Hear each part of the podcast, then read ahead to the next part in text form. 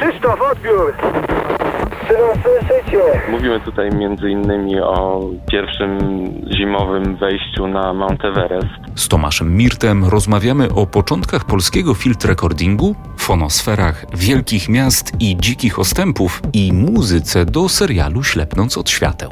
Doślepnąc od świateł, w efekcie nagrałem chyba około 10 godzin muzyki, jeżeli nie więcej. Było to dla mnie fascynujące dosyć. Halo?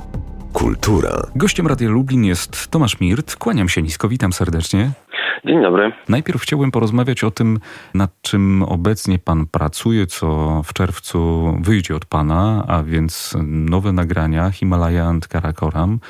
Wiem, że sięga pan do głębokich polskich archiwów dźwiękowych. Halo dwójka, halo dwójka, słyszymy, gdzie jesteście, odbiór? Płyta Voices from the Mo- Mountain Himalaya and Karakorum została nagrana przez Bogdana Jankowskiego, który był uczestnikiem obecnie już historycznych i bardzo ważnych dla polskiego, ale również światowego himalaizmu wypraw e, właśnie w góry Karakorum i w Himalaje.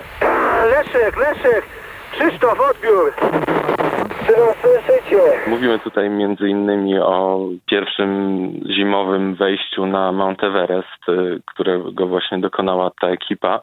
I y, są to nagrania, y, najwcześniejsze z nich pochodzą z wypraw właśnie w Karakorum w 71 roku.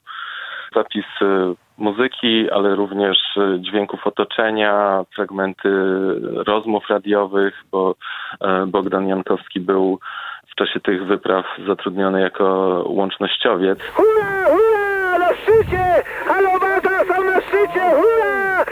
Tak, ściskamy, całujemy was! Całujemy was, mocno ściskamy! Hurra!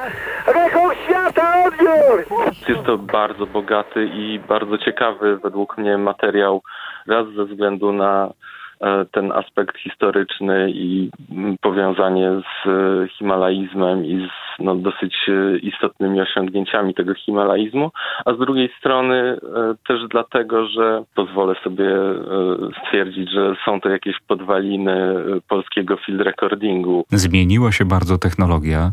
Te sprzęty do nagrywania wtedy były na pewno o wiele bardziej toporne i ciężkie. Co tam znajdujemy w tych nagraniach? Czy Oczywiście e, te nagrania są technicznie gorsze jakościowo od e, nagrań, które dzisiaj możemy wykonać w sposób bardzo amatorski. Przypuszczam też, że, że y, no, telefon komórkowy pewnie na takim mrozie bardzo szybko by wysiadł, a jednak taśma i te stare, toporne sprzęty dały radę, mimo tak trudnych warunków atmosferycznych. Różne sprzęty wtedy były mniej lub bardziej zawodne. Niektóre magnetofony całe oblodzone nadal działały, inne odmawiały współpracy bardzo szybko, czego w sumie e, z dużo nowszym sprzętem sam doświadczyłem. Nieraz wystarczy duża wilgotność, chociażby w Azji i telefon komórkowy i jakiś rejestrator cyfrowy obecnie używany odmawiał posłuszeństwa. Więc jakby to są problemy, z którymi nadal trzeba się liczyć często. To na początku wytłumaczmy tym, dla których field recording to jest czarna magia. Co to takiego? Są to nagrania prowadzone w terenie na zewnątrz i chodzi tutaj o nagrania przyrody, o nagrania wszystkiego, co nas otacza tak naprawdę. Można to powiązać e, z etnomuzykologią, więc jakby to pojęcie jest bardzo szerokie i od tego się wszystko wzięło, że po prostu kiedyś ktoś po raz pierwszy był w stanie wynieść e, urządzenia do nagrywania i głównie wtedy nagrywał e, muzykę ludową na przykład.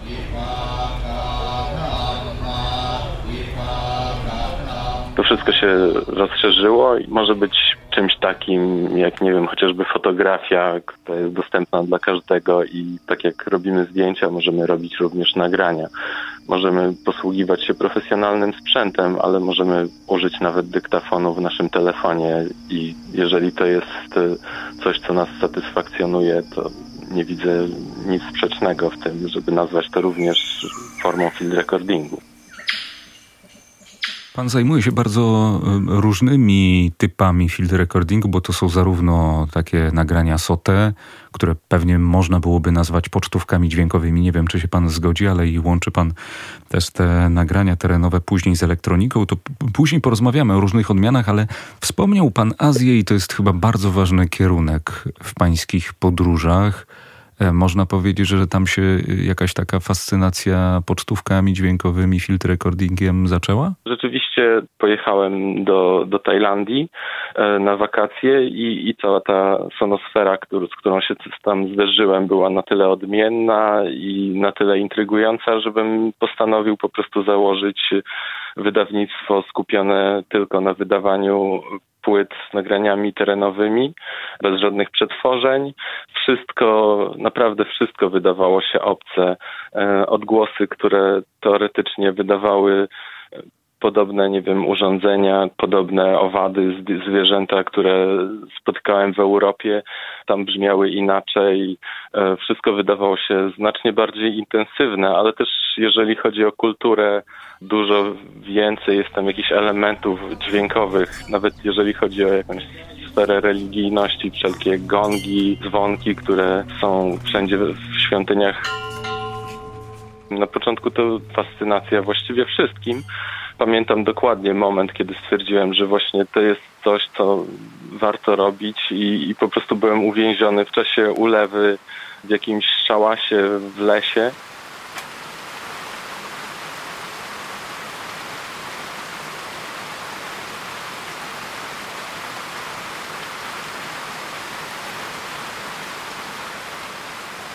po prostu musiałem tam spędzić, nie wiem, pół godziny, może trochę dłużej całym jakby pośpiechu, w którym jakoś tam żyjemy, te pół godziny poświęcone tylko słuchaniu tego deszczu przez słuchawki było dla mnie jakimś tam niezwykłym przeżyciem, ale tak naprawdę takie dźwięki, które są dla mnie jakoś niezwykłe, które udało mi się nagrać, to jest to nagranie, które jest dostępne na mojej przedostatniej płycie Tristes Tropiques, gdzie po prostu słychać e, e, jednącego na motorowerze człowieka, który z jakiegoś takiego radyjka co jakiś czas puszcza reklamę. To jest było nagrane wśród dosyć wysokich, e, skalistych gór i słychać echo po prostu, jak ten dźwięk się odbija w dosyć niesamowity sposób.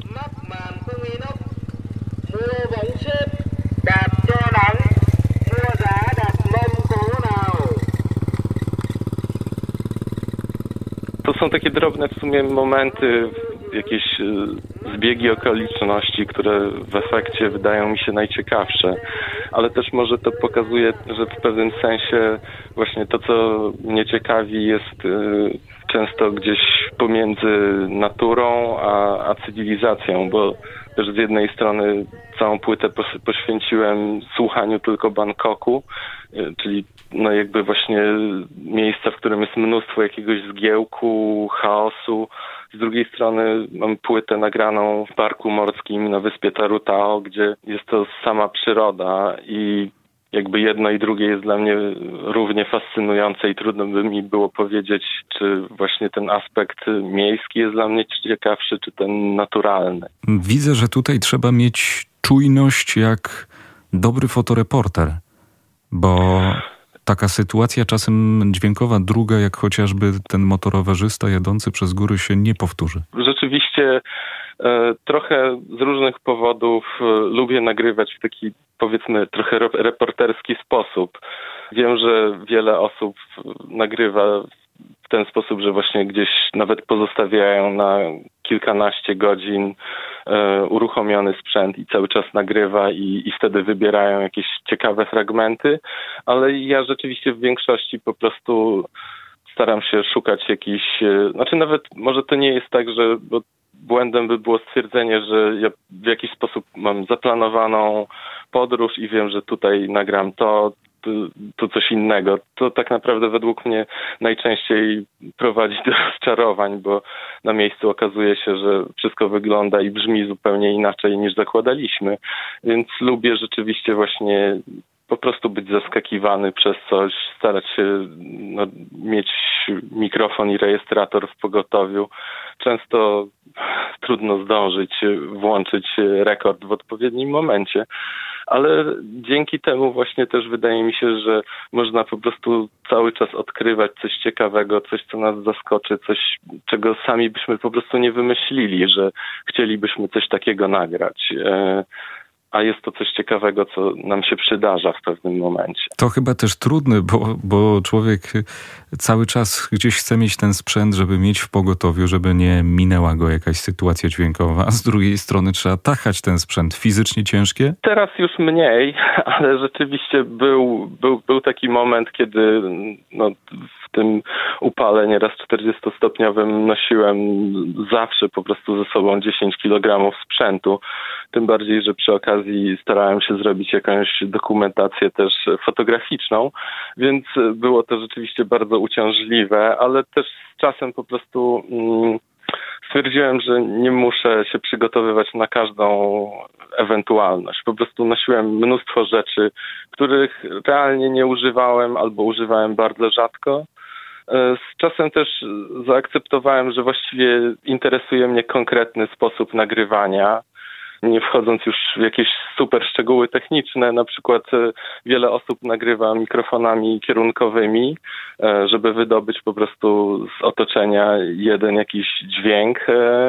Tymczasem doszedłem do wniosku po jakimś czasie, że bardziej mnie interesuje po prostu całe spektrum, które w danym momencie mnie otacza i to pozwoliło tak naprawdę trochę sprzętu zostawić w domu i w efekcie obecnie pewnie noszę ze sobą może kilogram, półtora, dosyć nieduży rejestrator, parę mikrofonów, która mnie absolutnie satysfakcjonuje.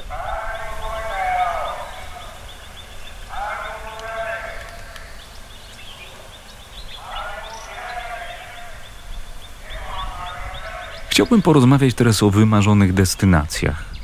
Czy to są takie, w których jest mnóstwo dźwięków, czy właśnie takie, w których prawie że nic nie słychać. To jest w ogóle możliwe?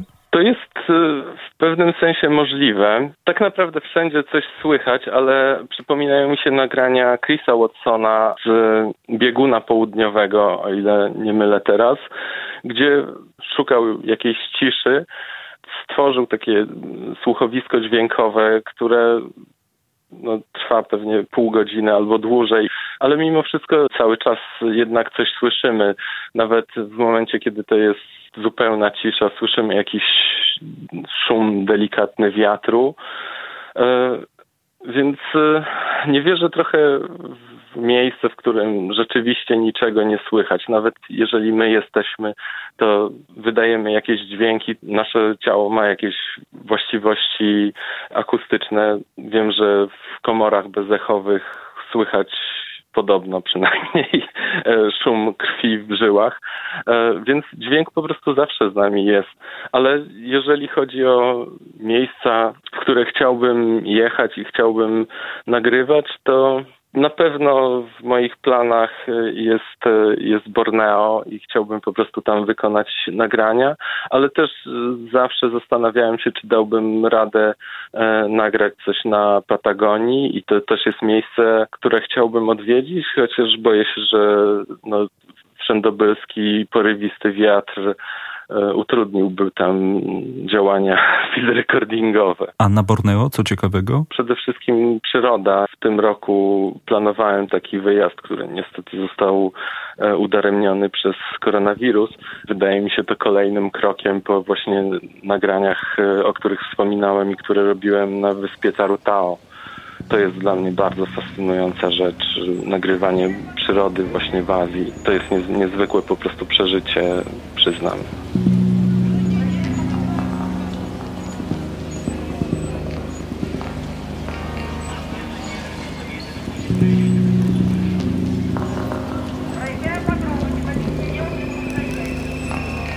Przejdźmy teraz do mm, muzyki, do projektu, można powiedzieć, że najbardziej mainstreamowego.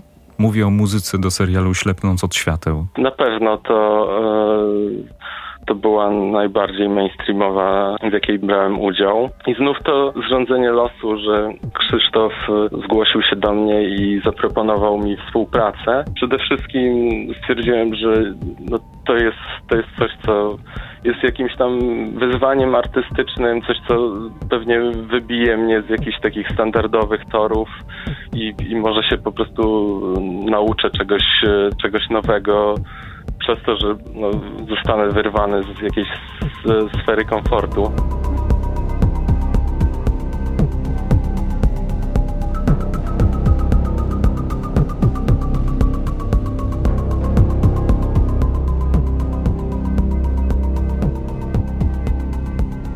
Doślepnąc od świateł, w efekcie nagrałem chyba około 10 godzin muzyki, jeżeli nie więcej. Oczywiście nie cała trafiła do, do serialu, chyba finalnie do serialu trafiło półtorej godziny e, z tych nagrań, e, ale było to dla mnie no, dosyć niezwykłym przeżyciem, jeżeli musiałem po prostu w dosyć krótkim czasie tak naprawdę skomponować bardzo dużo tej muzyki i to, to co jest fajne, to po prostu kiedy robi się tak dużo, w pewnym momencie odrzuca się te standardowe działania i te właśnie ścieżki, którymi się zwykle podąża i bardzo łatwo wtedy mam wrażenie szukać czegoś nowego. Więc dlatego to no, na pewno będę długo pamiętać i było to dla mnie fascynujące dosyć. Decyzję podjął pan na podstawie scenariusza? Obejrzałem już fragmenty, zdecydowałem się, żeby, żeby w tym uczestniczyć. Powiedzmy, że miałem o tyle łatwiejszą decyzję, że nie musiałem po prostu na podstawie tylko czytania scenariusza się decydować. Widziałem już mniej więcej, jak ten projekt będzie wyglądał. No jest to na pewno dosyć wyjątkowa produkcja, jeżeli chodzi o, o polskie realia i, i myślę, że, że dosyć y, ciekawa na tle polskiej kin kinematografii, zwłaszcza współczesnej. Ależ ta muzyka jest ciężka, naprawdę. Ta muzyka, jak się ogląda, powoduje, że że czasem człowiek po prostu musi wcisnąć pauzę i odpocząć sobie chwilę. Fakt, że dużo z tych nagrań jest chyba bardziej jakoś e, może intensywnych i mrocznych. Pamiętam, że były rozmowy o, o tym, żeby niektóre sceny były ilustrowane czymś bardzo radykalnym i pojawiały się znacznie radykalniejsze formy gdzieś tam ocierające się o estetykę noise i to było chyba coś, co trudniejsze by było też w odbiorze dla osób jednak nieobytych z bardziej nietypową muzyką. Chciałem wrócić teraz do field recordingu, o, o, tym, od czego zaczęliśmy, a więc nagranie SOTE kontra nagrania terenowe połączone na przykład z elektroniką. W tym momencie, co panu bardziej w duszy gra? To są dwie jakby zupełnie niezależne dla mnie rzeczy i może warto, żebym wspomniał, jakby skąd się wzięły te nagrania terenowe, bo to, to właśnie się wiąże z muzyką. Zaczynałem od grania w zespole i w pewnym momencie, kiedy chciałem robić jakieś własne rzeczy, większość rzeczy, które zespołowo robiliśmy, była oparta o improwizację. I w momencie, kiedy chciałem sam improwizować, czułem, czułem się dosyć dziwnie grając do ciszy, więc e, dosyć szybko stwierdziłem, że e, warto sięgnąć po jakieś dźwięki otoczenia. I nawet nieraz po prostu wystawiałem mikrofon za okno, hmm. żeby po prostu cokolwiek słyszeć. E, I, i trochę e, to, to, to jest jakiś punkt startowy. Później w pewnym momencie właśnie e, nagrałem płytę Artificial Field Recordings, czyli sztuczne nagrania terenowe i, i wtedy doszedłem do wniosku właśnie, że cała ta audiosfera, która nas otacza, jest skomponowana w jakiś sposób, dźwięki w jakiś sposób się przenikają i, i być może właśnie warto by było nie tyle korzystać z jakichś sampli dźwięków otoczenia, ale skorzystać z tego rodzaju kompozycji, który nas otacza. W ten sposób to się jakoś zazębia, ale sam efekt uważam, że fajnie, jeżeli to są dwie różne rzeczy i nawet e, osoby, które są zainteresowane moją muzyką, nie muszą być zainteresowane nagraniami terenowymi, które wykonuję i odwrotnie. Chciałem spytać teraz o polecenie. Ze względu na koronawirusa nasze możliwości podróżowania są ograniczone, ale przecież możemy podróżować słuchając dźwięków z najbardziej odległych zakątków Ziemi. Jakie serwisy, strony internetowe, mapy dźwiękowe mógłby Pan polecić mi oraz słuchaczom, tak aby bez wychodzenia z domu móc się przenieść? Na pewno mogę polecić e, nagrania właśnie Chrisa Watsona, o których już wspominałem, dostępne za pomocą e, Touch Radio na stronie wytwórni Touch Records.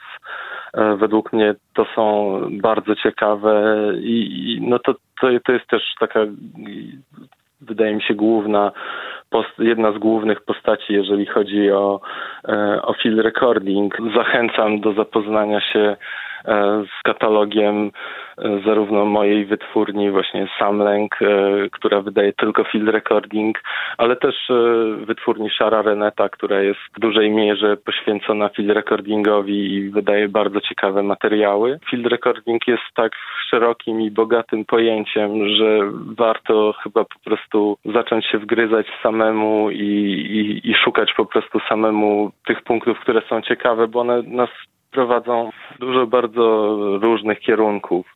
Począwszy właśnie od dźwięków, które służą bardziej do pracy nad filmem, są jakimiś efektami, po dźwiękową ekologię, po właśnie etnomuzykologię, jakieś nagrania bardziej przyrodnicze. Dostaliśmy sporo ciekawych tropów do sprawdzenia. Zachęcam Państwa oczywiście do tego. Bardzo dziękuję za tę rozmowę. Ja również. Pozdrawiam, kłaniam się. Halo? Kultura.